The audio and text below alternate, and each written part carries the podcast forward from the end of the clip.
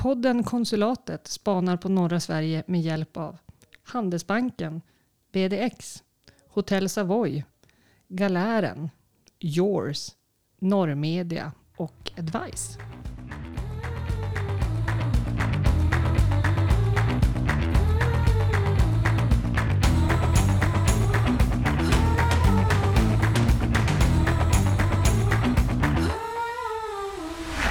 Hej och välkomna till konsulatet.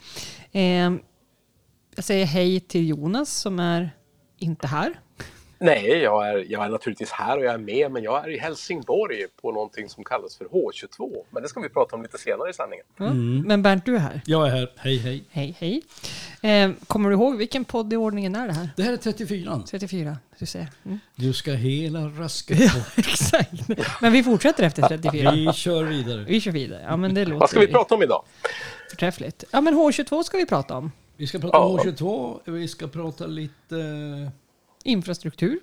infrastruktur. Grönsaksodling. Ja, och så sen, Just det. sen ska Och vi... Nnattklubben Cleo. Nattklubben Cleo, absolut. Ja, men, Men hörni, Ja, ska, vi inte, ska vi inte börja med det här med, med, eh, med eh, infrastrukturplanen som har kommit? Det går knappt att säga det där krångliga ordet. Nej, precis. Det är ju den nationella planen som det, som det kallas. Det, den är lite speciell därför att nu finns ju Norrbotniabanan med i sin helhet i planen. Det, här är, det finns också för, för Norrbotten riktigt viktiga eh, investeringar förstås också i, i det som är järnväg. Eh, för Västerbottens del och för norra Västerbottens del så är det klart att nu finns ju förbifart, förbifart Skellefteå. Och vilket Eh, betyder med- att, att E4 ska dras vid sidan om, öster om Skellefteå. Och inte Precis. rakt igenom. ja. Precis. Så det och, det är, och för Norrbotten så är väl kanske den viktigaste nyheten tågförbindelse Sävast-Sunderbyn. ja, och så isbrytarna. Ja, isbrytarna Jajamän. förstås. Ja, men jag, tänker, jag tycker alltid att det låter så himla... Alltså det är ju jättebra, men så här, förbifart Skellefteå, det är ungefär som att passera utan, utan att stanna. Gå till fängelset. Ja, ja, nej, men, alltså, Ja, men... men- det är ju alltså, det är ju givetvis inte så, men, men du fattar, det, det blir liksom... Nej, det här är någonting det vi bara passerar. Men hörni, Ja, det ska... men- Ja. Ja, men jag, jag får ju säga här nu med, med, med delvis, jag har ju mitt yrkesliv i Västerbotten. Varför det här är så viktigt, eh, det är ju helt enkelt därför att Skellefteå, det ligger ju som i en dalgång som är korsad av en älv. Och så dessutom då en Europaväg. Och så ska man bygga en järnväg rakt igenom det som är stan också. Så att för Skellefteås vidkommande så innebär det att man faktiskt kommer att kunna förena ihop staden så att den inte blir så styckad och deld, deld som den har varit. Mm. Är Och den, och den stora frågan är hur många rondeller kommer vi att få? Lex förbifart Umeå. Exakt. Mm. Ja, vi kan, vi, kan- det kan vi väl ha någon form av vadslagning om sen va? Jag tror 32 tror jag. Ja, så 34 ja då. Länge det inte är chikaner och farthinder så är jag nöjd. Det kan vara kul att kurva lite grann. Men hörni, hörni eh, den här infrastrukturplanen innehåller ju också mycket pengar för kapacitetshöjningar på järnvägen mellan Luleå eh, och Riksgränsen. Eh, Men det har ju inte bara fått ros, utan där tycker ju LKAB att den här satsningen kommer alldeles för sent och häromdagen så gick regionrådet Nils-Olof Lindfors ut i Norrbottens media och sa att järnmalmen från Malmfälten pumpar in otroligt många miljarder till kassan, statskassan. Men kapacitetsproblemen är ett jättestort problem med alla de här urspårningarna och inställda tåg. Och de här åtgärderna räcker inte till, säger han. Nej, Nej. jag kan hålla Sen- med. Jo, men sen är ju geografin också lite, lite ett, ett hinder får man ju säga. Därför att det är klart att ska man ha den här fullständiga kapaciteten att om det skulle bli ett urspårat tåg så, så kommer man inte ha block på banan. Då måste man ha dubbelspår. Och ett dubbelspår det är otroligt dyrt eh, och svårt att kunna lägga till. Och jag, jag undrar om, om man hade alla de pengarna som skulle krävas i statskassan för ett dubbelspår. Eh, ja, då vet jag fåglarna om jag, jag själv skulle tycka att det var det bästa sättet att sätta dem i precis just nu. Men det kanske är att svära i kyrkan. Mm, jag vet inte. Men i alla fall, det händer otroligt mycket här uppe nu. Och eh, en grej som jag funderar på det är ju att det är mycket snack och mycket verkstad. För att häromdagen så invigdes ju också det här första vätgaslagret. I- i Det, det första vät- vätgaslagret i Luleå. Eh, Jag tycker det är så sjukt spännande utifrån många perspektiv. Alltså i, min bransch där vi pratar mycket alternativa eh, och framförallt fossilfria drivmedel så är ju det här superspännande. För det, det finns ju det är ju en av framtidens eh, möjligheter att, att Mm. driva fordon med, med vätgas. Ehm, och det är så spännande för att det händer så mycket och man vet så lite och det är så svårt att, att liksom veta vilken väg man ska gå. Är det vätgas? Är det flytande gas? Är det fast gas? Är det eh, HV? Alltså det är så mycket. Är det el? Vad, vad, vad händer? Mm. Men, men verkstad är det.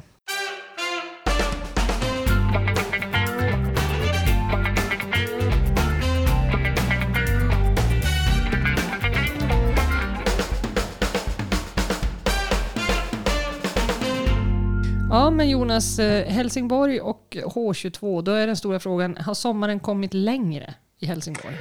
Eh, I Helsingborg blåser det. I Helsingborg blåser det alltid och när det inte blåser det, då regnar det, fick jag ju veta från de som då kan Helsingborg just. Det är kanske en, en nidbild, men Eh, det är klart, här är det ju högsommar och om man trodde att eh, pollen var lite jobbigt i norra Sverige så då välkomna till Skåne. Här är det rödfärgat i alla de här pollenprognoserna som, som finns där för att nu slår ju eken och alla möjliga sorters gräs eh, och andra växter ut precis samtidigt. Är det, Men som är därför, eh, är det därför herr Lundström låter lite så här snifsig i näsan? Ja, men alltså jag är lite, lite sniffig. Men det är också för att jag är rörd av alla spännande saker som händer. Därför att det är klart att det man har gjort här i Helsingborg, det är ju en stor bostads och arkitekturmässa. Eh, Så jag dyker upp för första gången i mitt liv, mig veterligt, i Helsingborg och så träffar jag en massa olika människor från hela Sverige. Eh, därför att alla kommer till Helsingborg för att prata om framtidens stadsbyggnad. Och jag tänker någonstans att det händer inte så mycket i Helsingborg. Eh, och det gör det ju inte. Men de har bestämt sig för att det ska hända. Och rätt mycket av det som är utveckling tror jag börjar med att man faktiskt bestämmer sig för att nu ska det hända. Och jag tror att här har vi kanske lite grann att lära ifrån, ifrån eh, södra Sverige i att ja, men vi kanske presenterar oss för lite. Det kanske finns eh, möjligheter att kunna ha ett, eh, ett S25 i Skellefteå eller ett L26 i Luleå. Vad menar du med det? Ja, alltså arkitektur, bostadsmässor, fokusera på hur ska framtidens samhälle se Ja, ut. För och det är alltså har vi- H22 står alltså för Helsingborg 2022. Ja, H22 är Helsingborg. Det är inte vätgas H2, utan det är, H, det är Helsingborg 22. Det är det som är grejen. Och, det, eh, och jag tror någonstans när man, när man tittar på det här att det finns ett så stort värde av att man faktiskt rätar på ryggen, man, man tittar ut och man säger att kom hit för det är här det händer. Ja, men vad är det som händer? Ja, just eh, jag har inte sett någonting som händer, men det jag märker är ju att en stad med självförtroende. Det är alltså en, en, eh, vi pratade i förra poddavsnittet om detta med näringslivsskalor och glädjen av att vi firar varandra och berättar att här har det hänt någonting och nu belönar vi. Eh, Det här är ju att ta det hela ett steg till och säga hur mycket skulle vi kunna berätta för övriga världen om det som faktiskt händer i norra Sverige? Och gör vi det i tillräcklig grad? Jag skulle säga nej, det gör vi inte. Men du, det är en mässa som fokuserar på stadsbyggnad, eh, arkitektur, Mm. eller? Stadsbyggnad och arkitektur, handlar om hållbarhet. Eh, Helsingborg försöker ju vara en, en extremt hållbarhetsinriktad stad. Man satsar alltså motsvarande dubbelt så mycket från kommunen på det som är hållbarhets eh, människor som arbetar med hållbarhet och hållbar omställning jämfört med Malmö. Nu har jag ju ingen aning om hur mycket Malmö eller hur lite Malmö satsar men, men det är klart att det, det, det är deras sätt att kunna markera att här är vi. Förutom att det är den närmaste vägen till, till Danmark. Men det är ju trots, ingen, trots allt ingen bro utan bara båt. Men apropå stadsbyggnad så häromdagen fick vi veta att Luleå har äntligen fått en stadsarkitekt. Vi har Ja, varit utan en precis. sån länge nu. Mm, en Ja, kvinna. det är väl bra. Ja. Eh, och det tror jag är viktigt. Alltså, du är väl inne på en grej där Jonas som jag tror är viktigt. Alltså, vi tror ju att vi hoppas ju att otroligt många människor, 100 000 människor ska flytta till Norr och Västerbotten för att det finns intressanta jobb här. Men det finns ju någon slags förändrade lokaliseringsmönster som tyder på att människor flyttar inte längre i samma utsträckning dit där det finns jobb utan man flyttar av andra anledningar. Och där tror jag liksom stadsarkitektur, livskvalitet och kultur är sådana här bitar som är viktigare. Ja, men är det också så att vi befinner oss i en, eller liksom en, tidsålder där jobb finns överallt? Så att om man ska flytta så är det precis Ja. det du säger Bernt. Det blir andra saker som, som spelar in. För jobb har jag ju oavsett vart jag flyttar. Ja, så I är princip. Det. Så är det. För, så, för så var det ju inte på 60 och 70-talet när, när liksom hela Norrland avfolkades och vi sa vi flyttar inte och så flyttade vi lik förbannat därför att här fanns inga alternativa jobb. Nej. Man var tvungen att flytta. Men den där siffran liksom har ju sjunkit år för år, decennium för decennium när det gäller att flytta till jobben. Det är säkert bara 20-30 procent idag som flyttar av den anledningen.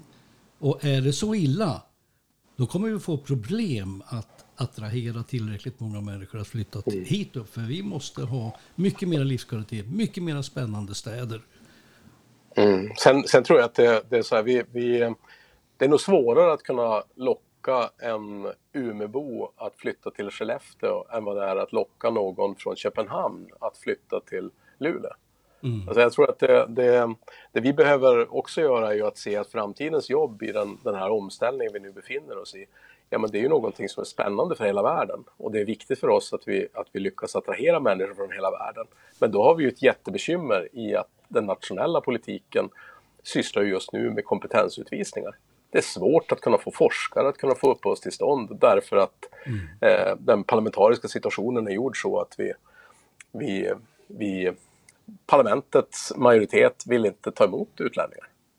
Ja, exakt, och det är en annan sida av saken. Men jag håller helt med dig. Alltså, för det handlar ju inte bara om, om forskare. Vi behöver frisörer, tandläkare, pedagoger, lärare, psykologer, eh, chaufförer till bussar och Sopgubbar. Sopgubbar, exakt. Ja men exakt. Men då ska vi också veta att det är väldigt svårt att få någon att flytta till norra Sverige för att få ett jobb som lokalvårdare.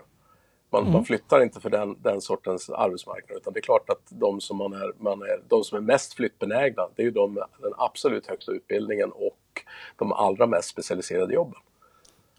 Jag tror, jag tror att städer som Skellefteå, Luleå, Boden med flera alltså måste mycket mer aktivt börja planera för en, ett, vad ska vi säga, en- en vitalare livskvalitet, en, en, en, en djupare kultursektor och annat som gör att det börjar pratas ute i riket och även utomlands om norra Norrland som eh, någonting attraktivt. Alltså det räcker inte med att prata om norra Norrland som eh, en, en grön industrirevolution. Nej, det är nog sant. Jag Det är var- nog helt sant. Jag var, jag var i Uleåborg för en vecka sedan och noterade då att eh, Uleåborg har utsetts till eh, EUs kulturhuvudstad 2026. Wow, Och, och, och Umeå har ju varit det en gång. En gång. 20, 2014. Ja, men, men, men apropå vad vi pratar om. Alltså det känns som att våra små städer måste börja samarbeta. Eh, de måste börja jacka upp eh, de här ambitionerna lite grann och ta på sig ledartröjan för kultur, för stadsbyggnad, för livskvalitet. Och vad, vad är det som säger att inte Luleboden till exempel gemensamt skulle kunna kandidera till Europas kulturhuvudstad 2030 eller 2034 eller någonting sånt där. Alltså verkligen lägga upp ribban lite grann. Mm.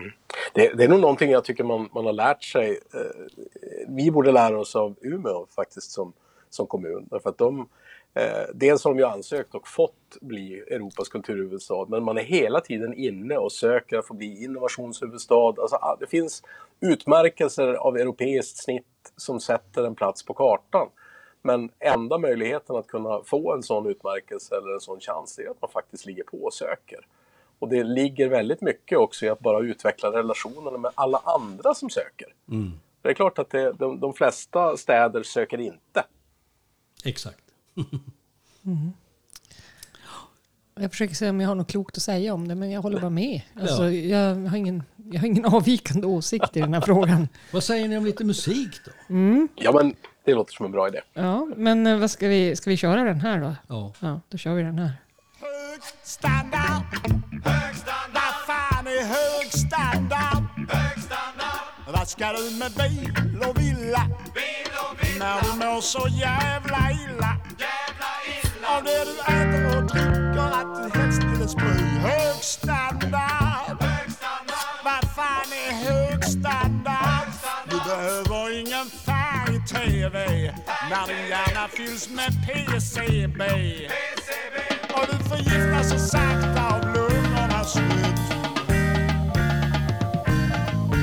Svälten har de slopat och skickat utomlands Livsmedelsmaffian har glada dagar.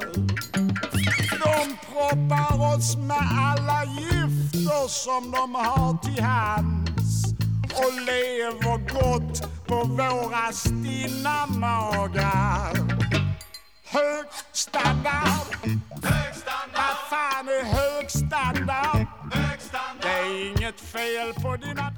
Nej, men vi hörde här Peps Persson med hans hitlåt Hög standard. Som ju är en av de svenska sommarsångerna får man väl säga. Men, men som också är en, en spännande samhällskritik. Vad ska vi med färg-tv till? Eh, härifrån så ska vi ta oss till, till eh, grönsaker. Visst Malin? Ja, ja, men precis. Luleå kommun har ju Satt sin sista potatis. Ja, ja det, det, det skulle man behöva ha en liten sån här trumvirvel för. Sån här, ping, ping.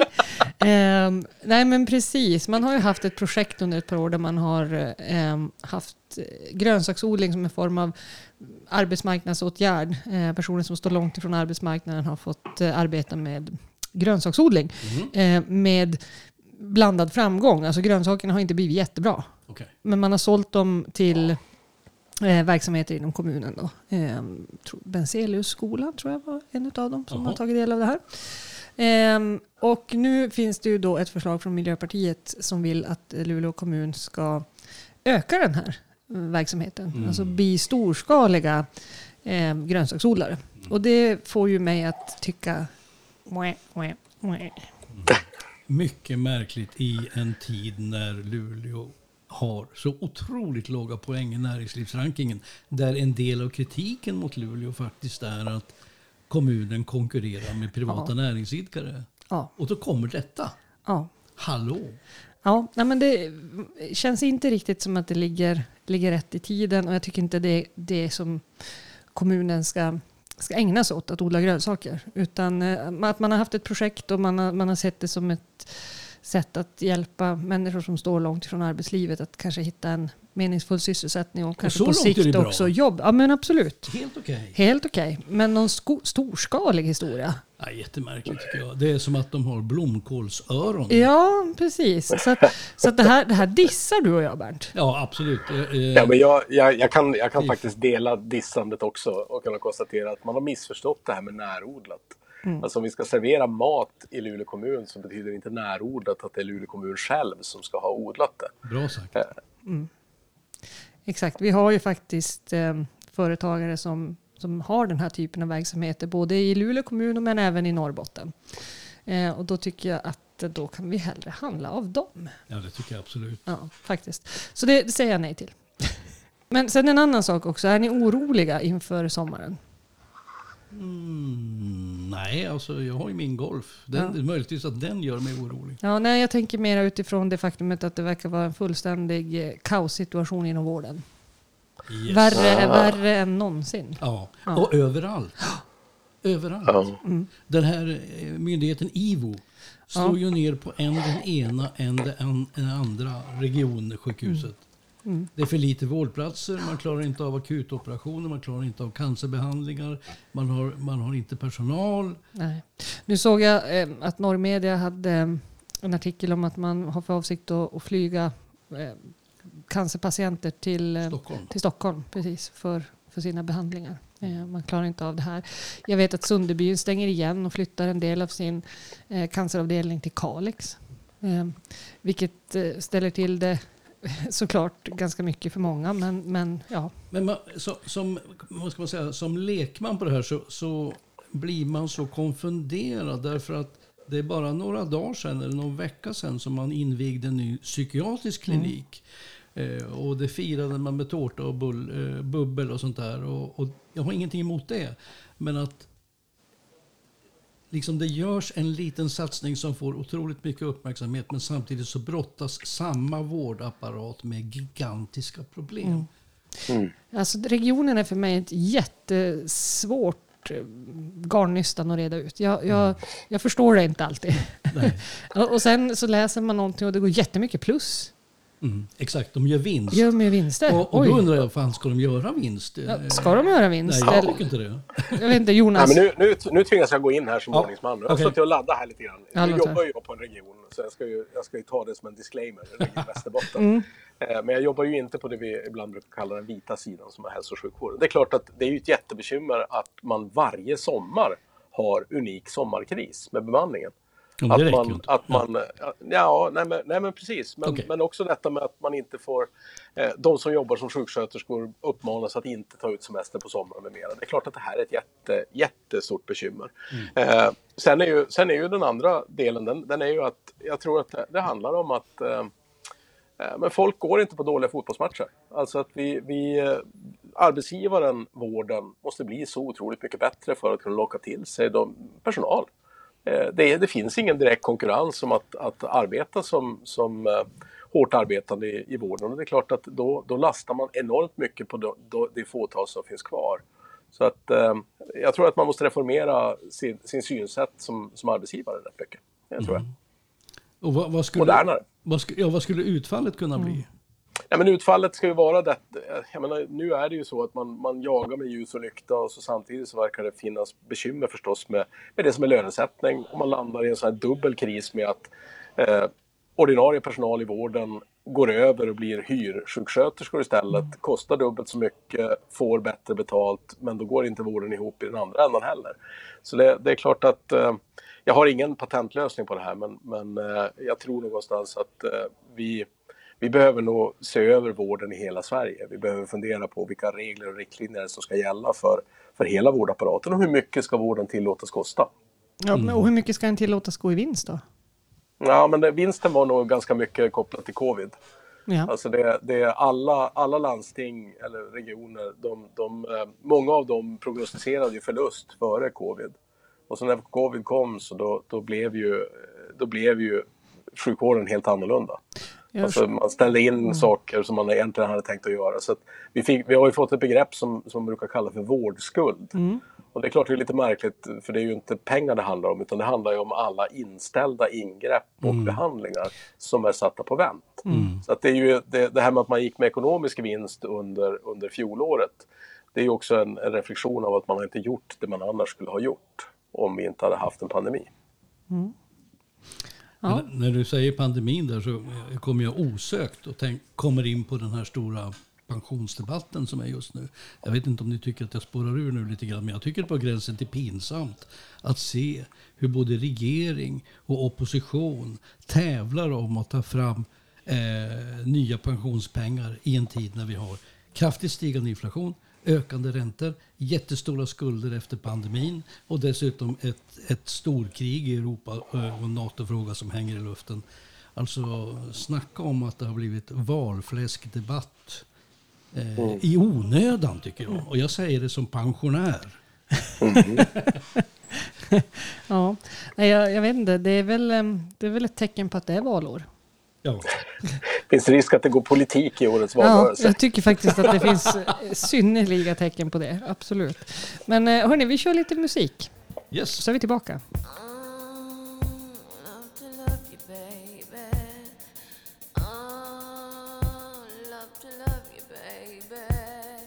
Oh,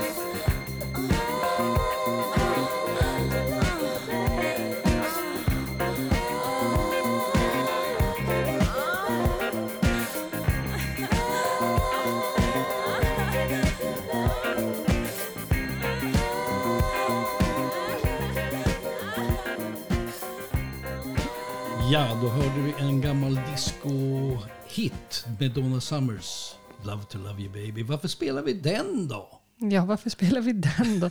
Men mitt hjärta har ju gått i två bitar. Alltså, Det gjorde det redan 2016 när de stängde. Men nu river man alltså nattklubben Cleo Yes. i Luleå. Och det är ju en, eh, Är det ångest för ja, dig? lite grann en institution. Men jag tänker, nu har, nu har du varit på Cleo. Ja, då. Styrdans. Eh, styrdans och disco. Ja. Ja. Jonas. Ja, ja, både styrdans och disco. Eh, och vad har hänt i de mörka hörnen? Eh, tissel och tassel.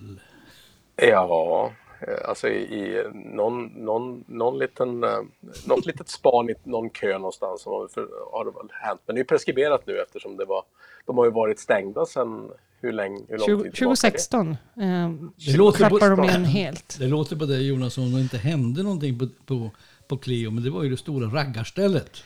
Absolut. Och det är ju Det liksom, var ju det. Det är ju ett sånt här, alltså det är så synonymt med Luleå. Om man frågar, alltså om man säger de som är 30, 35 plus, 35 plus skulle jag nog säga. Eh, så är det ju det. Alla, du tänker alla idrottare, det finns såna, det finns såna fantastiska skrönor om det här stället. Och, och upp till oss i 70-årsåldern. Ja. Och det är ju, det är Alla ju, känner vi till. alla känner till Cleo och alla har varit på Cleo. Alla som någon gång har utövat idrott har varit på Cleo. Alla som har gjort värnplikten i Boden har varit på Cleo. Just det. Så att eh, det, det, det är en institution som går i graven. Men om jag fattar det rätt, de vet inte vad de ska göra av. De vet att de ska riva det, Mm. de behöver ytor för hotellrum. Men man kan väl inte bygga hotellrum nere i källaren? Eller? Oh, ja. det kan man. Oh, ja. Det finns ju redan typ på ett annat hotell i Luleå. Ja. Eh, och det är ju de här Fönsterlös. fönsterlösa rummen, budgetrummen. Ja. Eh, vill ni bo i ett rum utan fönster? Alltså det känns som att bo i en bunker. Det känns inget kul tycker jag. Ja, ja. Men det är väldigt lite drag från fönstren kan jag säga eftersom det inte finns några fönster. Om det var drag förr så blir det ingen Ja, drag exakt. nu. Och man behöver inte vara rädd för midnattssolen heller. Den Men, men visst är det lite speciellt med, för, för det var väl när man byggde det som då hette SAS hotell. Eh, då, då hade man inte planerat för något nöje alls. Så att vad jag förstod så var det väl en, en improviserad handling som skapade Cleo. Man, man, fick med, man fick lappa och laga efter läge och, och nu när de har brutit upp golv, golven så har de ju hittat de vita strecken för parkeringar eftersom det här var ett parkeringsdäck Ja. från början. Ja. Och så förstod man att nej, men det går ju inte att bygga ett nytt hotell och inte ha någon möjlighet för dans. Så därför så kom Cleo till som en liten improvisationsövning som blev en stor institution under lång tid. I detta hotellhus, denna hotellbyggnad, så finns det ju kvar en klassisk restaurang. Ja, koks. Koks. Kokskrog ja. Äh, äh, och den minns ju jag sedan 70-talet.